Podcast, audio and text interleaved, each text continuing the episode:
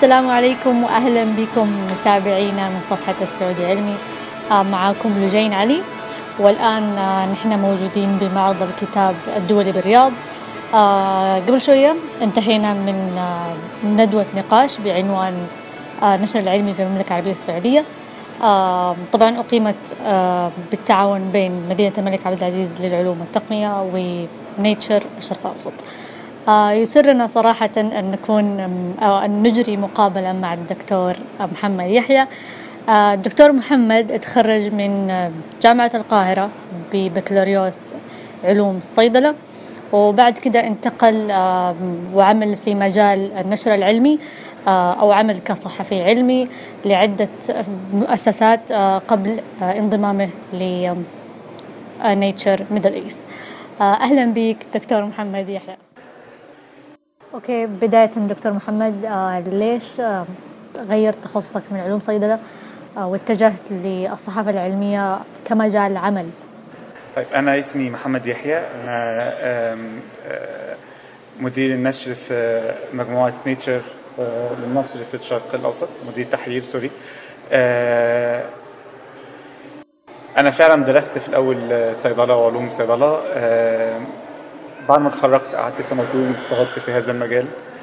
ما حبيتوش اشتغلت كل حاجة فيه اشتغلت في شركة أدوية اشتغلت في صيدليات. آه كلها كانت حاجات آه ما حبيتهاش. لغاية ما جات لي صدفة تماما الفرصة إن أنا آه أخش في في الإعلام العلمي. الفترة دي كنت بسميها فترة الضياع. ساعتين سنتين من مش عارف عايز أعمل فيهم إيه يعني كلنا بنمر بيهم بعد ما نتخرج يعني. آه فما كنتش عارف عايز أعمل إيه. فجات لي الفرصة دي فجربت فقدمت اتقبلت. وكان حظي حلو جدا إن أنا اشتغلت مع مديرتي كانت من أهم الصحفيين العلميين الموجودين في العالم العربي. فهي اللي علمتني. يعني في الآخر كنا في ال في, ال في الاوفيس في المكتب واحد. فأنا كل حاجة اتعلمتها اتعلمتها منها هي. واكتشفت قد إيه أنا بحب المجال ده فأنا حبيت المجال فكان بالنسبة لي مش مهم أنا دارس إيه قد ما مهم إن أنا عايز أعمل إيه في الآخر. غير إن الخلفية العلمية دي فادتني كتير جدا إن سهلت عليا إن أنا الشغل إن أنا مثلا باجي أقرأ ورقة بحثية أنا مش بقى تعبان فيها زي لو حد ما عندوش الخلفية العلمية دي. وأنا قاعد بتكلم مثلا مع دكاترة في الجامعة أو كده ممكن في مصطلحات أكون أنا مش غريبة بالنسبة لي يعني على عكس حد من في ما عندوش الخلفية العلمية دي. فهي فادتني لكن هي مش أساسية. يعني في ناس كتير جدا بيكون عندهم خلفية صحفية ويقرروا إن هم عايزين يبقوا صحفيين علميين وبيبقوا صحفيين علميين درجة أولى. ما فيش ما فيش شك في ده. عرفنا دكتور إنه خبرتك في مجال الصحافة العلمية هي تقريبا ست سنين. فمن خلال هذه الخبرة هل تعتقد آه، انه الصحافة العلمية مؤهلة آه، للتفريق بين العلم الزائف والعلم الصحيح أو العلم التجريبي؟ لا الإجابة السريعة لا. ل... لسبب إن آه، دي دي أحد المشاكل عندنا إن ال... ال... الصحفي العلمي محتاج يعمل مجهود أكتر من الصحفي العادي. في إن هو يبحث وراء أصل المعلومة. ده للأسف ما بيحصلش عندنا كتير. ف ممكن يروح ياخد المعلومة من شخص ويكتبها على طول والمعلومة تكون غلط وممكن تكون غلط جدا وهو مش هو مش عارف ده وهو مش مطلوب منه إن هو يعرف ده ما هو هو مش عالم. لكن في الآخر هو كأي صحفي تاني المفروض يعمل دراسة يعمل بحث على الحاجة قبل ما يكتبها. ياخد المعلومة هنا يروح يقرأ عنها يدرسها يسأل حد تاني يتكلم مع أشخاص مختلفة. للأسف ده ما بيحصلش عندنا كتير. وللأسف إحنا بنشوف في الإعلام بتاعنا آه أقل ما يقال عليه مهازل بسبب المشاكل دي. حاجات آه، زائفة كتير جدا بتطلع وتنتشر. وفي الآخر اللي بيتظلم هو القارئ. لأن القارئ في الآخر آه، هو بياخد المعلومة دي وبيتحرك عليها. وهو ما عندوش الآلية إن هو ي... ومش مطلوب منه إن هو يروح يحقق وراها يعني هو في الآخر المفروض إن الصحفي عمل ده. وهو جات له في الآخر المعلومه إن هو تكون يقدر يثق فيها أو يفكر فيها. آه لكن في نفس الوقت يعني دي مشكلة. لكن أنا مش عايز أعممها لأن في صحفيين علميين بيعملوا ده بس هم مش كتير للأسف. آه الصحافة العلمية عامة كمجال هو مجال لسه يعني هو مجال كان منتشر في في الغرب من زمان جدا لكن هو لسه في منطقتنا هو مجال نسبيا جديد. ما فيش صحفيين علميين كتير.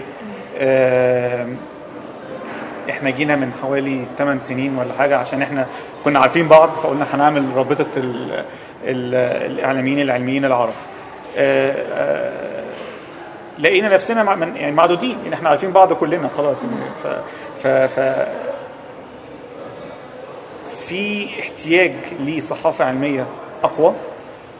تكون بتلعب الدور آه، بتلعب دورين بصراحة. أنا شايف إن هي المفروض تلعب دورين في المنطقة. هنا الدور الأول إن هي توصل معلومة صحيحة موثوق فيها للقارئ.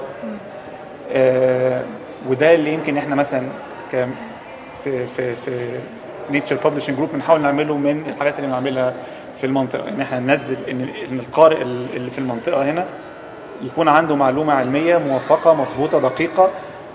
يقدر يثق فيها يقدر يتحرك عليها. والحاجة الثانية اللي المفروض الصحفي الدور اللي يلعبه الصحفي العلمي هو إن هو يكون صوت مؤثر عند متخذ القرار في العالم العربي. وده مبني على إن هو يطلع صحافة علمية على مستوى عالي موثوق فيها بمعلومات صحيحة تخلي المجتمع يقدر يتفهم المشاكل دي. إحنا معظم المشاكل اللي عندنا هي في الآخر مشاكل بتصب في مشاكل علمية مشاكل المية. مشاكل الطاقة. كل دي مشاكل هي مشاكل علمية وحلولها كلها علمية. بس لازم متخذ القرار يكون عنده الخلفية. يعني يكون عنده المعلومة العلمية عشان يتحرك على كده ودي هتجيله من الصحفي العلمي. فهو الصحفي العلمي ده حمل كبير جدا وحاجة لازم تكون موجودة. وعشان كده يمكن ال- الناحية المضيئة للموضوع إن في مجال لده. يعني الصحافة العلمية في الغرب بتصغر يعني مثلا من حوالي ثلاث سنين السي ان ان قفلت ال ال ال ال ال المكتب العلمي بتاعها. دي كانت حاجة ضخمة. يعني إزاي ده يتقفل؟ آه على عكس ده إحنا هنا في لسه المجال موجود. لسه يعني اللي عايز يشتغل في المجال ده هيلاقي فرص في المجال ده. فده الناحية المضيئة يمكن من الموضوع. طيب بالنسبة لمعايير المنهج العلمي هل برأيك أن الصحافة العلمية بتلتزم بشكل جدا دقيق بمعايير المنهج العلمي؟ هل بيلتزموا بالمصادر الموثوقة آه ولا لا؟ دايما في مجال يعني ممكن دايما في مجال إن هي تتطور في حاجات ممكن تبقى أحسن. لأن لو قلت لك إن هم ملتزمين بيها آه، يبقى مش صحيح ولو قلت لك إن لا هم ما لهمش فيها خالص ده برضه مش صحيح. لكن الفكرة هي آه، إيه التطوير اللي هم محتاجينه؟ إيه الحاجات اللي محتاجين تتعمل؟ آه، لازم الصحفي العلمي يكون critical أكتر. ودي مش موجودة للأسف عندنا. هو ممكن ياخد المعلومة ويبدأ يتحرك بيها ويبدأ ينشرها وكده. لكن ال يعني وده جزء من العلم نفسه critical فلازم الصحفي العلمي هو كمان يكون critical فحاجة زي كده للأسف كتير من كتير من الصحفيين العلميين في المنطقة بيفتقدوها. ال زي ما قلت لك في ناس بتعمل ده بس مش كتير. هي في الآخر كلها المشكلة في العدد. عشان كده محتاجين ده يزيد محتاجين في هذا الحراك اللي يزود ال- الصحفيين العلميين شوية. آه أوكي معناته أنه يوجد تجاهل آه سواء من الصحافة العلمية أو غير العلمية لمعايير الدقيقة آه للمنهج العلمي. آه من طرفكم أنتم هل يوجد أو هل عندكم أي خطط آه مستقبلية لمواجهة هذه الظاهرة؟ آه، إحنا في كذا كذا جهة صحفية آه، بيسندكيت حاجات من عندنا يعني بياخدوا مع يعني أخبار من عندنا وبيبدأوا ينشروها أو يشتغلوا عليها. آه، فدي حاجة بالعكس دي حاجة متاحة بالنسبة لنا حاجة إحنا سعيدين بيها. إحنا إحنا أحد أهدافنا هو تنمية الثقافة العلمية. وده علشان يحصل لازم يكون في إعلام علمي أقوى لازم يكون في إعلام علمي مؤثر. في الآخر كام واحد هيقروا Nature. مهما كتر في لسه ناس ما قروهاش. فاحنا عايزين نوصل لأكبر عدد من الناس ده. فبالعكس إحنا يعني منفتحين تماما اللي عايز يتعامل معانا. إحنا يعني more than willing يعني حاجة زي كده. في الآخر ان إحنا إحنا نخاف على محتوانا. بالنسبة لمجال الصحافة العلمية هل في عندنا تخصص إعلامي علمي؟ أو إذا ما في هل في أي بوادر أنهم يفتحوا آه المجال لهذا التخصص؟ للأسف إحنا ما فيش ولا جامعة عربية بتدي شهادة في الإعلام العلمي. ولا حتى في جامعات فيها كورسات للإعلام العلمي. آه، كل ال- ال- الجامعات الإعلامية بت- يعني بيطلع متخصص في أي حاجة ممكن بعد كده هو يبحث ويتعلم ويبدأ يتجه في الاتجاه العلمي. آه، من خلال ال- الرابطة العرب الرابطة العربية للإعلاميين العلميين حاولنا إن إحنا نتكلم مع كذا جامعة إن يكون في كورسات آه، إعلام علمي. بس للأسف لغاية دلوقتي ما فيش. يعني كان أقرب تجربة لكده يمكن كانت في ال- الجامعة الأمريكية في القاهرة. كانوا عايزين يعملوا حاجة زي كده وفي الآخر الموضوع اتوقف علشان بادجت يعني مش أكتر من كده. آه، لكن دي حاجة إحنا فعلا محتاجينها. يعني يعني ده موجود بره من من عشرات السنين. يعني إن يبقى حد متخصص في الإعلام العلمي. خلال جوه ال- المؤسسات العلمية في مؤسسات علمية عندها فعلا مكاتب علمية. آه، بس بيكون الكبير قوي منها يمكن. غير كده بتبقى صفحة مثلا في الأسبوع أو كده يعني مثلا الأهرام مثلا في القاهرة عندهم مكتب علمي مثلا. آه، آه، في في في لبنان مثلا في مجلة ال- ال- ال- البيئة والتنمية. هي برضو يعني تجربة ناجحة في في الإعلام العلمي. لكن آه، معظم الجرايد ما عندهاش حد متخصص وعشان وده اللي بيخلق دايما المشكلة يعني إن بيبقى الشخص اللي هو مش متخصص في الإعلام العلمي ما عندوش ال- الخبرات اللي تخليه يقدر يكتب خبر علمي موثوق فيه مدقق ما يظلمش بيه القارئ بعد كده يعني. من أهداف صفحتنا آم، صفحة السعودي العلمي أننا نعرف بالعلماء العرب البارزين في مجالاتهم العلمية آه، هل ترى أن الصحافة سواء العلمية أو غير العلمية لعبت دور في هذا الجانب أو ما زال هنالك تقصد؟ إحنا عندنا مشكلة كبيرة جدا هي فكرة إن لما بيكون في اهتمام بالعلماء العرب بيكونوا علماء ماتوا من ألف سنة. يعني هي دي دايما المشكلة. اهتمام إيه، آه يعني ده ده ده ده الحاجة. يعني أو أول ما بيجي في دماغ حد إن هو تعالى نغطي حد بيغطي الناس دي. ودي كانت ناس عظيمة. يعني ما فيش أي شك فيها. شخص بزيادة أو اهتمام عن شخص ده طبعا دي بتحصل كتير. في علماء كتير جدا جدا رائعين. ما حدش عارف عنهم حاجة وما حدش عارف عن شغلهم حاجة وللأسف دي غلطة. آه، غلطة مين؟ هي غلطة آه، يعني ممكن نقول كذا كذا كذا جهة. آه، جهة منها طبعا يعني اللي يمكن اللوم الأكبر على الصحفيين اللي مش بيدوروا على على الناس ده ويدوروا على شغلهم ويعرفوا شغلهم إيه لأن في شغل رائع يعني في شغل جميل جدا بيطلع. وفي في علماء عرب يعني بيشتغلوا في ظروف في العالم العربي صعبة جدا وبينشروا في مجلات زي Nature و Nature sister journals فدي حاجة مش سهلة. يعني في الظروف اللي هم بيشتغلوا فيها دي حاجة مبهرة إن هم ينشروا في الأماكن. فدي لازم يبقى ليهم صوت ولازم الناس تعرف عنهم أكثر دلوقتي لو في أي وقت قلت لحد كلمني عن عالم عربي هيقول لك زويل. آه زويل. يعني ده ده الحاجة المشهورة. ده ال reference اللي عند الشخص العادي في العالم العربي للعالم. مع طبعا يعني احترامي للدكتور زويل. الدكتور زويل يعني, من يعني فعلا يعني هو من أكبر ال chemists اللي عايشين على في العالم دلوقتي. آه لكن في ناس تانية كتير وبالعكس لازم يبقى ليهم صوت ولازم صوتهم يظهر. إحنا بنحاول نعمل ده كتير عندنا يعني إحنا من الحاجات اللي بنحاول نعملها نشوف مين الناس ال- ال- ال- ال stars اللي مش باينين دول ونبدأ نديهم صوت لازم يكون ليهم صوت لازم المجتمع يسمعهم ومتخذ القرار كمان يسمعوهم. لأن لأن في الآخر لو لو لو لو العلم ده ما وصلش للناس فهو جزء كبير من الاستفادة بيه ضاع. إن هو لازم في الآخر يكون communicated للناس. فحتى دايما إحنا بتخيل إن الإعلام العلمي ده زي زي gear ترس في النص بيوصل ما بين ال- العلماء لل public أو لل general audience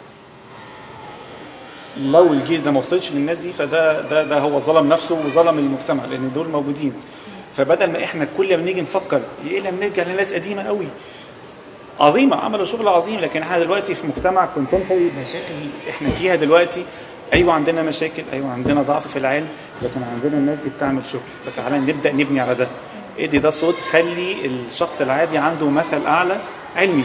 مين مين مثل أعلى علمي؟ زي ما قلت لك يعني أي حد بيجي في دماغه شكل هو زويل. زويل لما بيجي يدي محاضرة هتلاقي مثلا القاعه دي مليانة على آخرها عشان الناس عارفاه. لأسباب كتير إن هو واخد جائزه نوبل هو الشخص العربي الوحيد اللي خدها في العلوم و و و. لكن في ناس تانيين لو قعدوا ووقفوا في القاعه دي هيقولوا كلام equally important لكن مش هتلاقي القاعه مليانه وده دي الغلطة غلطة الإعلام في النقطة دي. خبرتك دكتور محمد. آه، ما موقف الإعلام والمجتمع والمؤسسات الدينية آه، حول نظرية التطور؟ وهل هنالك أي توجهات للانفتاح حولها؟ طيب آه أنا مش في المكان في المجال اللي أنا أتكلم عن المؤسسات الدينية. لأن ده مش مش مش مش تخصصي. بس اللي حاضر اقوله لك إن المشكلة هي حصر الفكرة كسؤال ديني. لأن هو مش المفروض يكون سؤال ديني.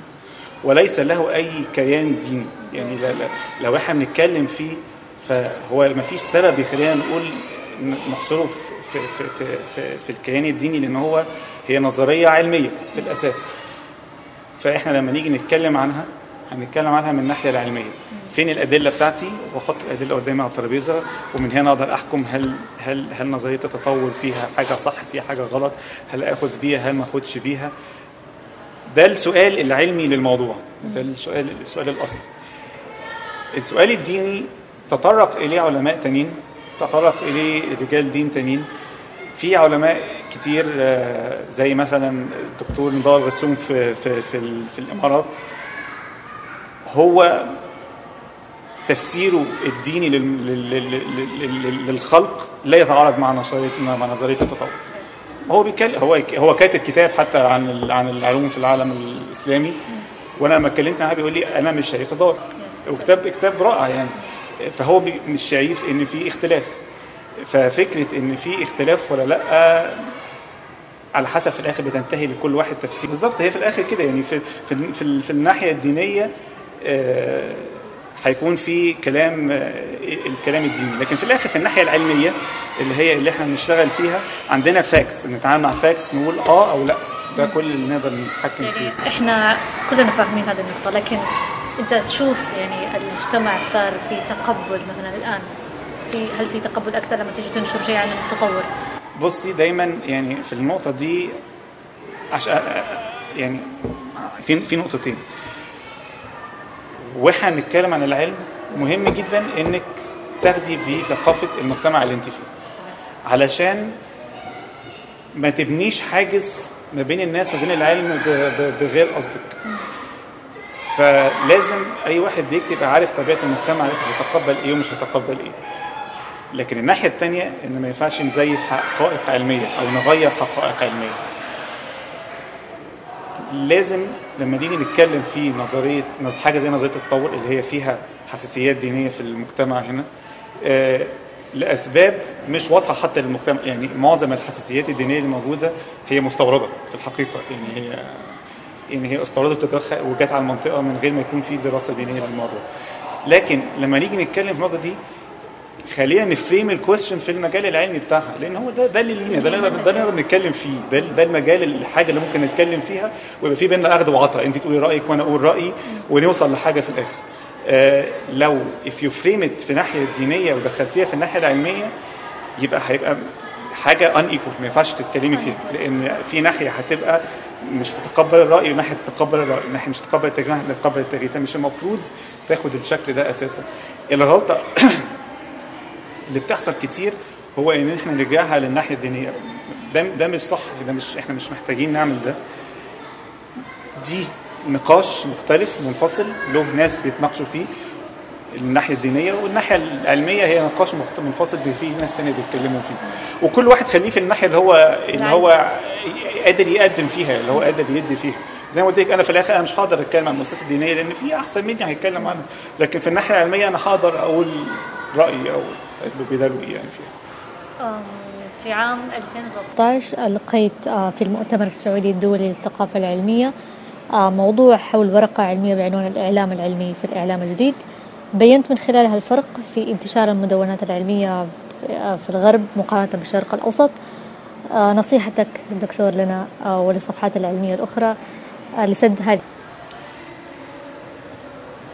خليكم شباب دي أول حاجة خليكم شباب بفكركم لأن هو ده الفكر اللي عنده القدرة إن هو يتحرك بسرعة يتطور بسرعة يتغير بسرعة. الإنترنت بتتغير بسرعة إحنا مش قادرين نلحقها إحنا فعلا مش قادرين نلحقها وكونكم شباب بيديكوا براح تعملوا حاجات المؤسسات الكبيرة ما تقدرش تعملها. المؤسسات الكبيرة التغيير فيها مش سهل. لكن أنتوا ممكن تعملوا حاجات تانية. أنتوا مثلا أنتوا قاعدين النهارده لي هنعمل توك شو دي حاجة يعني أنا لو هعمل توك شو عندي هتاخد مجهود. ونتكلم ونعمل ونوضب بتاع أنتوا انت ممكن تعملوا ده بسهولة جدا ممكن تتحركوا في ده بسهولة جدا. فده ده ده ده البراح ده القوة اللي, اللي, اللي عندكم. فلازم تحافظوا على ده. يعني ك ك كالحراك ده هو يبقى دايما في إبداع دايما في تفكير دايما في هنتواصل مع الناس بشكل مختلف إزاي هنقدم حاجة إزاي. آه، دايما خلوا الحاجة لذيذة. لأن في الآخر العلم جميل. لأن العلم ممكن يقدم بطريقة لذيذة جدا وممتعة جدا جميلة جدا. وفي ناس كتير عملوا الحكاية دي ونجحوا بكده. يعني آه، نيل نيل نيل تايسون ديجراس مثلا. يعني ممتع جدا. هو بيتكلم ببساطة جدا وبي communicate وبيبسط العلوم وحاجات visual جميلة وبتاع. كل الناس تتفرج على البرنامج بتاعه وكنا كلنا مبهورين وكلنا مستمتعين والكبير والصغير و و فكل ده بيدي بيخلي يعني العلم هيوصل للناس. كون فكرة إن العلم حاجة مملة حاجة متحجرة حاجة صعبة دي فكرة إحنا اللي عاملين نخلقها وإحنا عاملين نرددها. ونقعد نقول أصل العلم صعب وإحنا لازم نبسطه العلم صعب وإحنا لازم نبسطه. بالظبط إحنا محتاجين نغير الفكرة دي بدل ما نقعد نقول هو صعب وعايزين نبسطه تعالى نقول إحنا إزاي هنقدم العلم للمجتمع بس وتخلص على كده. فهو ده اللي أنتوا تعملوه إزاي تفضلوا عندكم القدرة إن أنتوا تخلوا الناس بتحب اللي أنتوا بتعملوه. إن أنا جيت لكم مرة هاجي لكم تاني بكرة هاجي لكم تاني بعد بكرة هفضل متابع هتعملوا حاجة جديدة هبقى عايز أسمعها. هو ده ده ده اللي أنتوا تملكوه هو ده اللي يعني رأس مالكم اللي فعلا ممكن تحركوا بيه تعملوا حاجات غيركم ما يقدرش يعملها أوكي. كم هو عدد الطبعات لكل الأعداد العربية اللي نشرتوها إلى الآن؟ آه وما هو تجاوب الجمهور للمجله طيب إحنا من ساعة ما بدأنا ننشرها من حوالي سنتين ونص آه، كل سنة بينشر ورقيا 10000 نسخة. آه، حتى الآن يعني 10000 نسخة دي موجودين دلوقتي. هل في المستقبل هتزيد ممكن ما عنديش أي فكرة. أتمنى لأن أنا في الآخر يهمني ان يعني أتمنى توصل لكل الناس يعني. آه لكن الناحية الثانية هو بقى يعني النمو أكتر في الموقع. يعني الموقع هو اللي مش مربوط بعدد ورقي معين يعني. كان هننشر 10000 نسخة شهريا آه بيروحوا لجامعات مراكز بحثية آه، ناس مهتمين مسجلين في الموقع بتاع ان هو تجيلهم فبيجي لهم العدد كل شهر. فهي حاليا بتوصل فعلا متأكدين إنها بتوصل لل 10000 دول. الناحية الثانية بقى هي الموقع. الموقع ده يعني النمو فيه أسرع بكتير قوي يعني لما تيجي تقارني عدد الزوار ما بين السنة الأولى للسنة الثانية أكثر من الضعف. ف أكتر بكتير من الضعف اكشلي ف فده ده ده بيدينا الانطباع إن هو في في مجال للنمو في اهتمام لنمو المجله أكتر أو إن هي توصل للناس أكتر في اهتمام الناس إن هي توصل لها ويقروها آخر سؤال رح ننهي به المقابلة. آه برأيك إيش أكبر العقبات اللي تواجه التوعية العلمية بشكل عام؟ طبعا نظرا لخصوصية آه العالم العربي أو المجتمع العربي. نظرا لخصوصية العالم العربي. طيب أول حاجة هي هقول لك كذا نقطة. يعني أول حاجة اتكلمنا فيها هي فكرة إن إحنا مع يعني بنتعامل مع العلم إن هو حاجة صعبة حاجة متحجرة ومش عارفين نغير الفكرة النمطية دي شوية. آه، بره قدروا يغيروا الفكرة دي شوية. إحنا عندنا يمكن ده لسه بطيء شوية. تاني حاجة هي طريقة تقديم العلوم ودي بدأت تتغير دلوقتي هنا كتير. يعني يعني زمان كانت يعني أنا أوعى وأنا صغير خالص كان في برنامج بيجي في اسمه العلم والإيمان. آه ده كان آه كل الناس تتلم تتجمع حواليه كل الناس تحب تسمعه عشان كان بيبسط العلوم بيقدمها بطريقة لذيذة جدا. من ساعتها ما كانش في حاجة كده تاني. دلوقتي بدأ يبقى في شوية آه حراك زي ده. بدأ يبقى في أفكار جديدة زي فكرة آه، إزاي تقربي العلوم من الفن مثلا. إزاي تعملي حاجات visual تعملي أفلام تعملي آه، معارض. لسه أسبوعين كنا في في, في الإمارات كان في معهد اسمه Imagine Science Film Festival في في في أبو ظبي. وكان مبني كله على الفكرة دي إزاي إزاي تقربي العلوم من من الفن. ده مجال رائع مجال رائع عشان توصلي العلوم للشخص العادي خالص. في أفكار إبداعية ملهاش آخر ممكن ممكن الواحد يستغلها. آه، فإحنا محتاجين يبقى عندنا الناحية الإبداعية دي شوية في في التواصل العلمي. آه، ثالث حاجة عايزين نبص على العلم من منظار العلم فقط من غير ما نحمله ما هو ليس له حلم إن هو يتحمله. يعني ده في الآخر إحنا بنظلم العلم. وبنطلع بره ال- الفكر العلمي في الآخر أو النظرية العلمية اللي هي أصلا اخترعت عند العرب. يعني يعني النظريه العلميه أول حد نفذها كانت عند العرب. فهي إحنا عايزين نفضل في الفكرة ده اللي هي أنا عندي نظرية ببدأ أجربها مع التجربة نعيد التجربة ومن هنا نبدأ نتحرك في إن هي تبقى فاكتس وإزاي بتتطور على طول. ونتقبل إن هي بتتطور على طول ما فيش حاجة اسمها حاجة ثابتة يعني هو العلم على طول متطور يعني. فدي برضو نقطة مهمة. رابع حاجة هي إزاي نخلي العلوم تبقى حاجة إنسانية أكتر. بمعنى إن طول ما انت بتتكلمي عن العلم ده كحاجة مش هتأثر في حياتي أنا مش هسمعك. لكن وصليها ليا بقى وصليها لمشاكلي أنا ومن هنا أنا هتعامل معاها بطريقة مختلفة خالص. تعالي كلميني عن ال ال ال يعني آه مثلا لما تقولي مثلا إيه ده في تغير مناخي والحرارة هتزيد 2% طب يعني أنا أنا مالي ما تزيد. فاهمة؟ زي ما أنا عندي تكييف. لكن لما تيجي تقولي لي لما تزيد 2% مش هنلاقي مية. هنلاقي اللي هيحصل ممكن يحصل حروب على المية في المنطقة هنا المنطقة هنا جافه هيحصل مشاكل هيحصل تغيرات في الزراعة في محاصيل مش هتطلع في في في. أبدأ أشوف الحاجات دي هتأثر عليا في حياتي إزاي؟ أنا هبدأ أتعامل مع الموضوع بطريقة مختلفة. هبدأ أفهمه بطريقة مختلفة. آه لما تيجي تكلميني عن مشاكل آه، الطاقة. طول ما هي بتتكلمي على حاجة ابسولوت أنا مش حاسس بيها في يومي خلاص مش مش ههتم بيها. لكن ال ال لما تبدأي تربطي العلم بالإنسان بمشاكله اليومية بمشاكله الشخصية أو باهتماماته مش المشاكل باهتماماته بالحاجات اللي بيحبها هيبدأ يبقى في تواصل أقوى للعلم. يعني أنا we أحس إن هو في حياتي. We have to show them science is the, the solution for your issues بالظبط. ويبقى يعني يعني لأن هو في الآخر هي كل حاجة حوالينا. يعني ف, ف بس أنت اعم- اعملي اللينك دي. خليني أعرف إيه وصليني اعملي الوصلة ما بيني وما بين ال- الحاجة هو ده العلم ده هيأثر في حياتي إزاي. آه يعني مثلا أحد ال آه آه يعني مثلا الدكتور منصور مثلا هذا هو بيتكلم في في الندوة من أحد الأمثلة كان بيتكلم على العربيات اللي هي ال self-driving cars قال لك دي هتحل مشكلة في السعودية عشان السيدات ممكن يركبوه. يعني فهو ربطها بحاجة في المجتمع في الآخر. يعني سواء بقى يعني شعورك اتجاه المشكلة دي إيه بس هو ربطها لحاجه في المجتمع. فممكن حد يقول لك آه والله دي حاجة تفرق معانا. دي بقت حاجة إن العلم ده هيأثر في حياتي بطريقة ما زي ما بقول لك مثال ال climate change ال climate change مشكلته إن وده بقى مش بس هنا في, في أمريكا إن هو ما الناس مش يعني فاهمة؟ تقولي مثلا في global warming يقول لك السنة دي كانت برد. طب لا هو أيوة مش كده. فابدأي اربطيها له باللي بيحصل في حياته. بالظبط ابدأي اربطيها له باللي بيحصل في حياته ابدأي وري له ده هيأثر عليه إزاي إيه اللي بيحصل؟ بص حصل إيه السنة دي بص حصل إيه السنة اللي فاتت بص الاعاصير بتزيد إزاي. وكل واحد في منطقته طبعا بيحس الحاجة اللي بتأثر فيه في يومه. يعني مثلا أنا أفتكر في مرة كنت في يعني كان كان كان كان في جمعية أهلية بتتكلم عن ال climate change في مصر. ف يعني ف ف فمين كان أكتر الناس على دراية بالكلام بيقولوا كانوا فلاحين؟ مش متعلمين.